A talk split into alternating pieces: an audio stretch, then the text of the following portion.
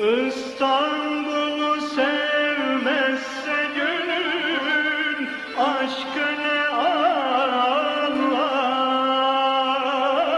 aşkı ne anlar İstanbul kazan biz kepçe. Düşsün suya yer yersin eski zamanlar Geçmişin izlerinde gezintiler.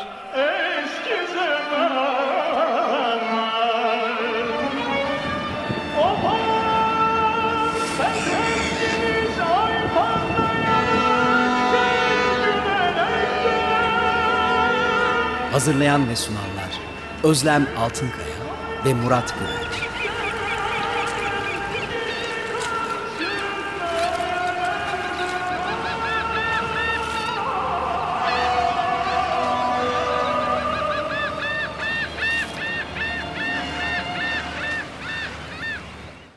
Merhaba İstanbullu İstanbul Kazan Biz Kepçe programımızın ikinci e, programında karşınızdayız e, Özlem Altınkaya ile beraber.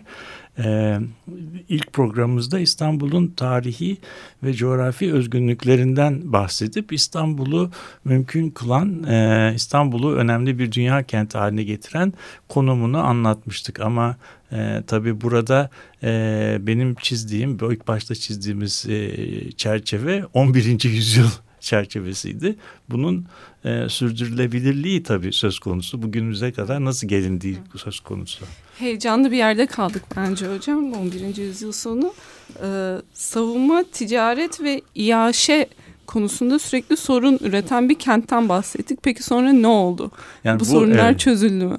Yani bu sorunlar aslında İstanbul'un e, belki tüm tarihi, bütün şehir tarihi bu üç tane e, sorunun e, sorunla baş etmekle ilgili e, seferberiden bulunan çözümlerin tarihidir. Yani İstanbul'u nasıl savunacağız? İstanbul'un ticareti nasıl e, şey yapılacak, e, sağlanabilecek ve İstanbul'un ne yiyeceğiz? Ne yiyeceğiz?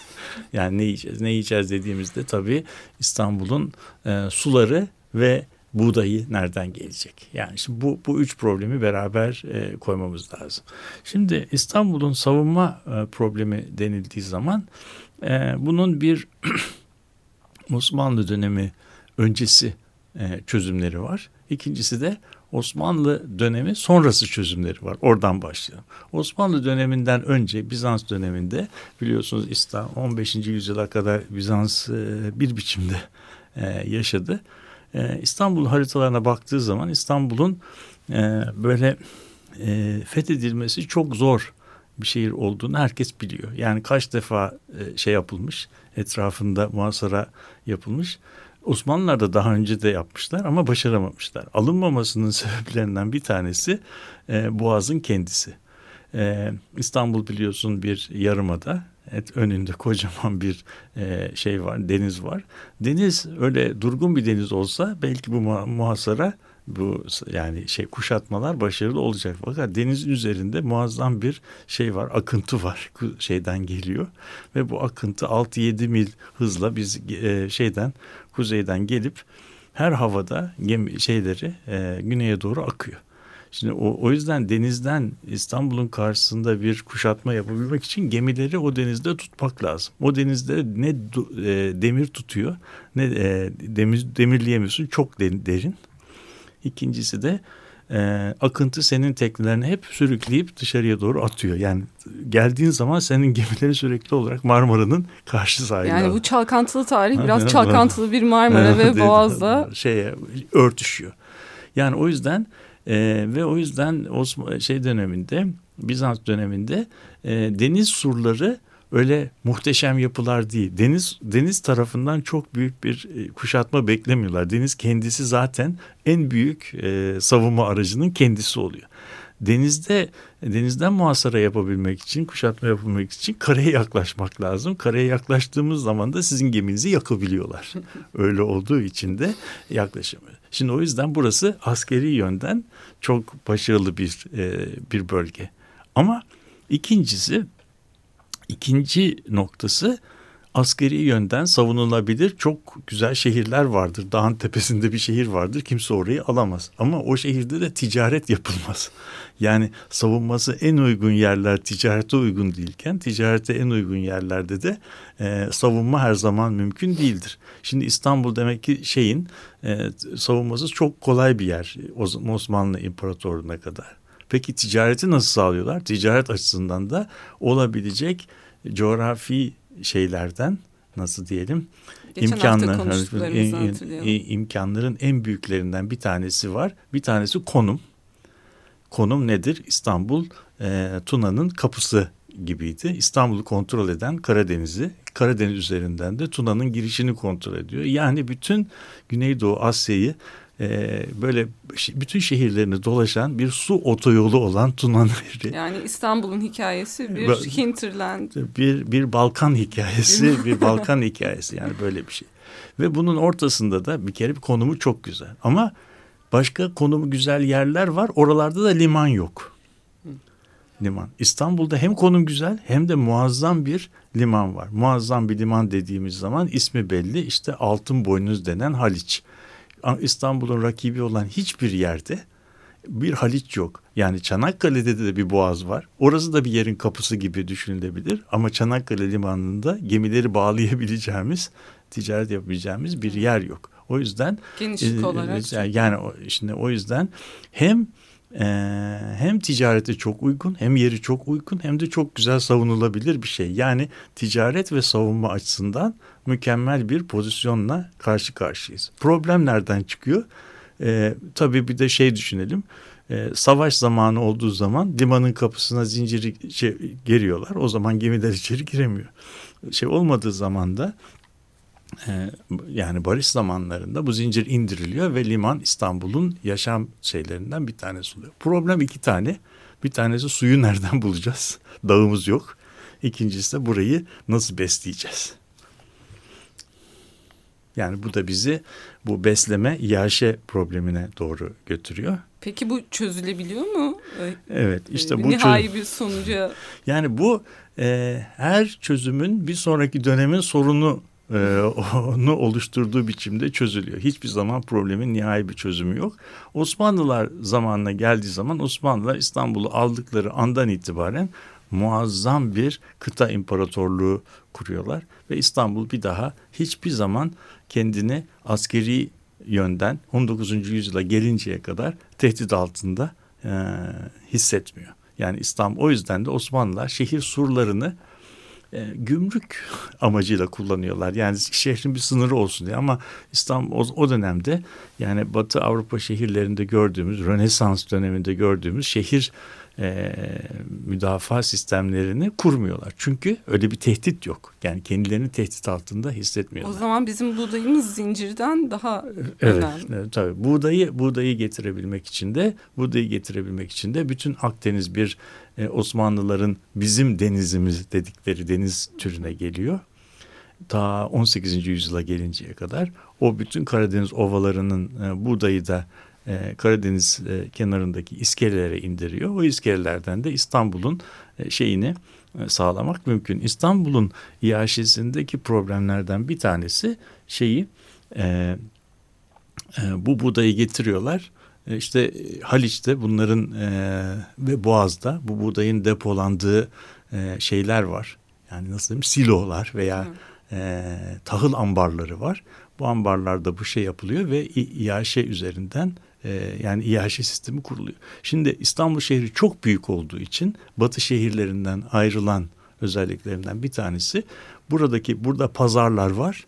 Fakat pazarlarda herhangi bir malın kaç paraya satılacağı devlet tarafından belirleniyor. Yani bunlar e, kendi fiyatını belirleyen pazarlar değil, fiyatı belirlenmiş pazarlar. Nar sistemi var. O yüzden de Osmanlı Devleti bir taraftan bu İstanbul'un iaşesini sağlarken Öbür taraftan da buğdayını İstanbul'a satmak yerine daha karlı yerlere satmak isteyen köylülerin buğday kaçakçılığı ile uğraşan bir devlet sistemi oluyor. Çünkü köylüler e, devlete verdikleri yükümlülüklerin yanı sıra buğdaylarını daha karlı pazarlarda satma çabası içerisine giriyorlar. O zaman hocam ben bir konuya daha burada dikkat çekmek istiyorum. Ee, burada bu buğday bir arazi kullanım örüntüsü de belirlemiş oluyor değil mi evet. kentsel mekan e, üzerinde? Çünkü etrafında İstanbul'u besleyecek toprak yok. İstanbul'un etrafındaki topraklar ancak İstanbul'un e, o eski arazi kullanım örüntüsü kelimesini söyledin. İstanbul'un gündelik e, hayatını sürdürebilmesi için e, şey bölge plancılarının çürüyebilir e, ürünler dedikleri e, şeyler, süt ürünleri, meyveler ve sebzeleri e, şey yapan bu bostan sistemleri ve bahçelerden oluşuyor. Bütün Boğaz ve Trakya, sen de o çalışmandan biliyorsun. Trakya'da İstanbul'un bu tür e, ürünlerini sağlayan bir ambar e, vazifesi görüyor.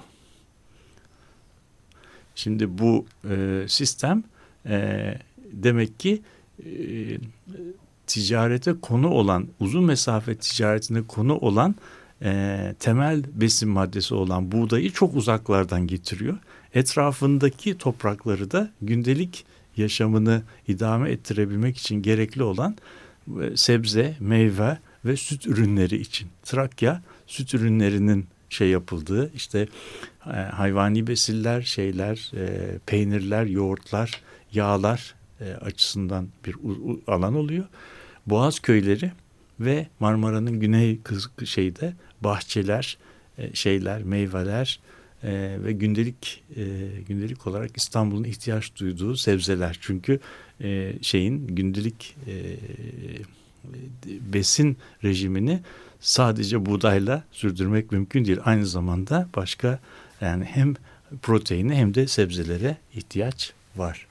Evet o zaman e, bu sizin saydığınız arazi kullanımlarını iskeleler ve pazarlarla da birleştirdiğimizde belki anıtların e, ötesine geçen farklı bir gündelik hayat ritmini de belirleyen evet. bir e, kentsel mekan yapısından evet. bahsedebiliriz. Evet yani işte belki bizim problem bizim bizim programı da özgün kılan e, noktalardan bir tanesi anıtlardan abidelerden başlayan bir e, şehir tarihi e, olmaktan çok şehrin coğrafi ve tarihi mekanına e, vur, e, vurgu yapan ve o bu, e, coğrafi mekandan anıtlara e, gelmeye e, çalışan bir tarih.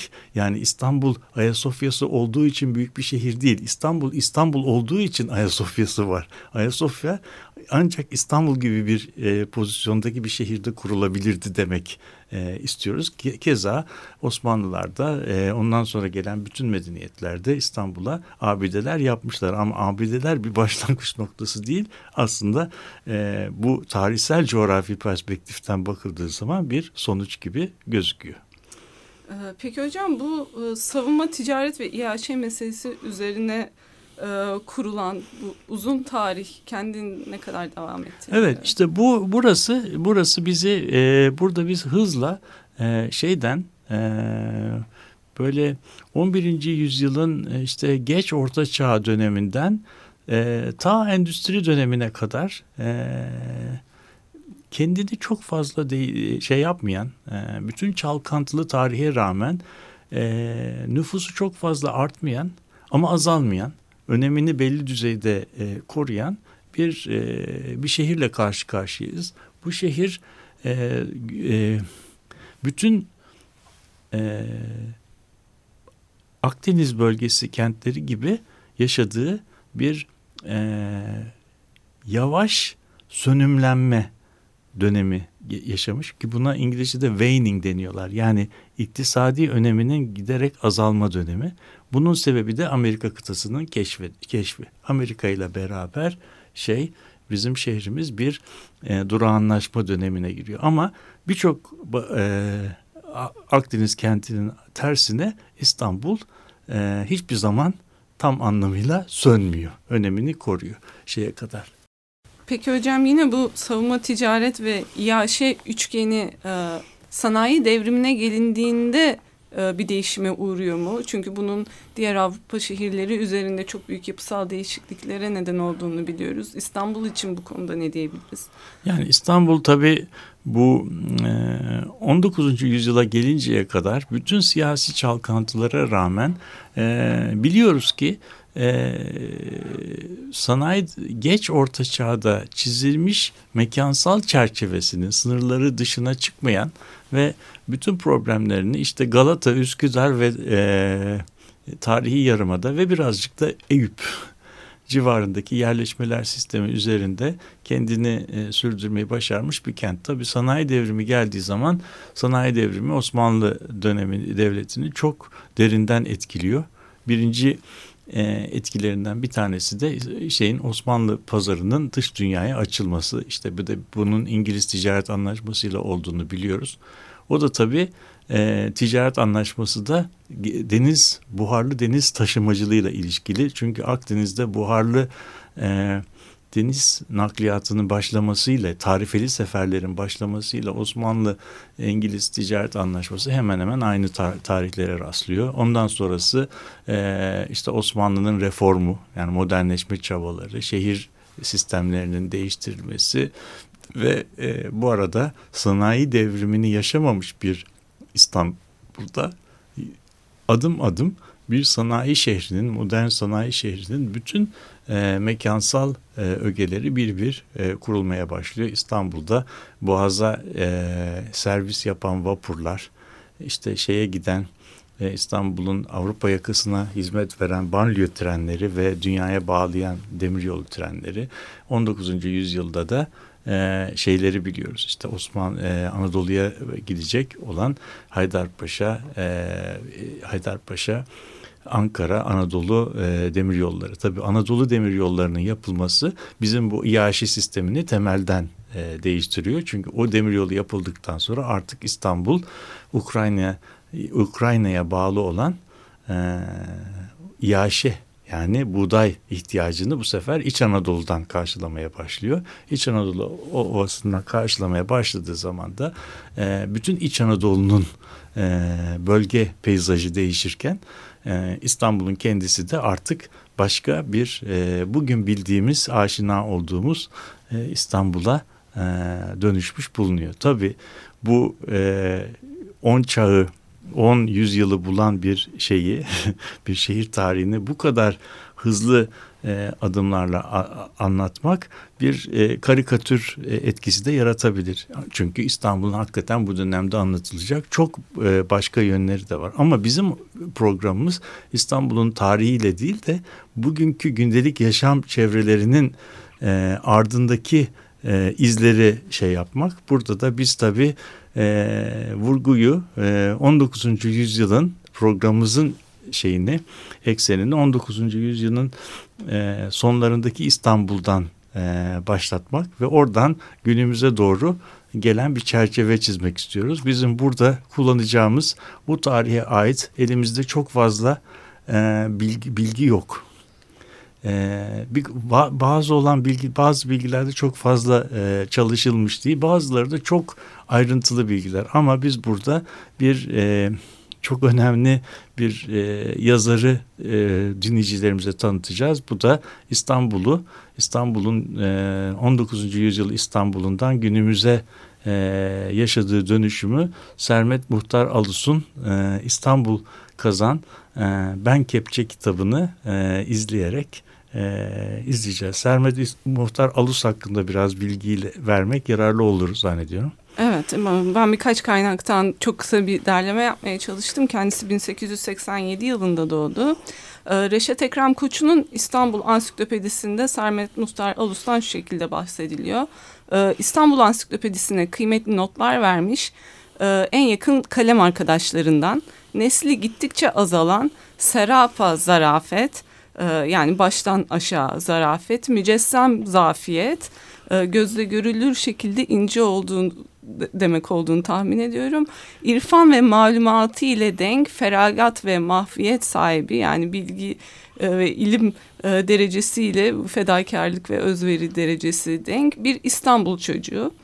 E, birazcık daha ilerlersek kendisi çeşitli dergilerde 1930'lu ve gazetelerde 30'lu ve 40'lı yıllarda e, yazılar yazıyor. Özellikle Akşam Gazetesi'nde e, 30 sene evvel İstanbul başlıklı yazı dizisi bunlardan e, bir tanesi. Yazı ve romanlarındaki resimler de kendisine ait e, ve teması 20. yüzyılın e, başı İstanbul'un gündelik hayat.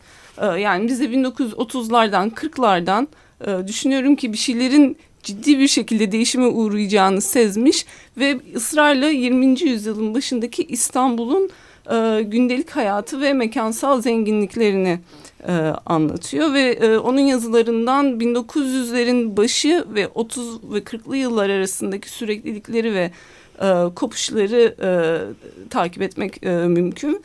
E, ve biz bunun bir başlangıç noktası olarak almaya karar verdik. E, bunun da İstanbul tarihinin çizgisel olmayan e, süreçlerine bir ışık tutabileceğini düşünüyoruz. Kendisinin İstanbul Kazan, e, Ben Kepçe kitabından İstanbul'un ekonomik aktivitesi, sosyal ve kültürel tarihi, açık alanları, e, o, kamusal alanları, e, onun dışında e, kent kültürü ve yapısal e, fiziksel özellikleri hakkında bilgiler edinmek mümkün ki e, zira bunu e, işte muhallebicileri, kafeleri, e, meraları, bostanları, panayırları vesaire çok zengin bir e, çeşitlilikte ve çerçevede kendisi anlatıyor.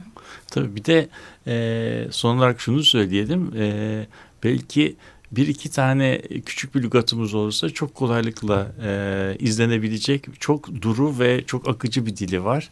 E, birazcık da şeyde e, dil ile peyzaj yani bir e, bir şehir peyzajını betimlemede çok ustaca e, tablolar çiziyor. Biz de İstanbul'u e, bundan sonraki programımızda merkezden çevreye yayılan bir e, diz, dizi izleyerek e, ve e, Sermet Muhtar Alus'un kitaplarındaki izleri izleyerek e, İstanbul'un 100 yıl başında nasıl bir şehir olduğunu, o, o zamanlardan bugüne neler kaldığını, ne gibi işaretler kaldığını izleyerek e, İstanbul'u İstanbullulara yeniden e, tanıtmaya çalışacağız ve bir keşif gezisine çıkacağız diye düşünüyorum. Bu da bizim programımızın bu iki programlık giriş bölümü birazcık bizi e, Sermet Muhtar'a getirdi ve 19. yüzyıl sonundaki İstanbul'un nasıl bir şehir olduğunu keşfederek e, ke, keşif gezimize başlıyoruz. Bundan sonraki e, programlarda artık e, genel tariflerden çok Sermet Muhtar'ın e, rehber, re, rehberliğinde İstanbul'u izlemeye çalışacağız.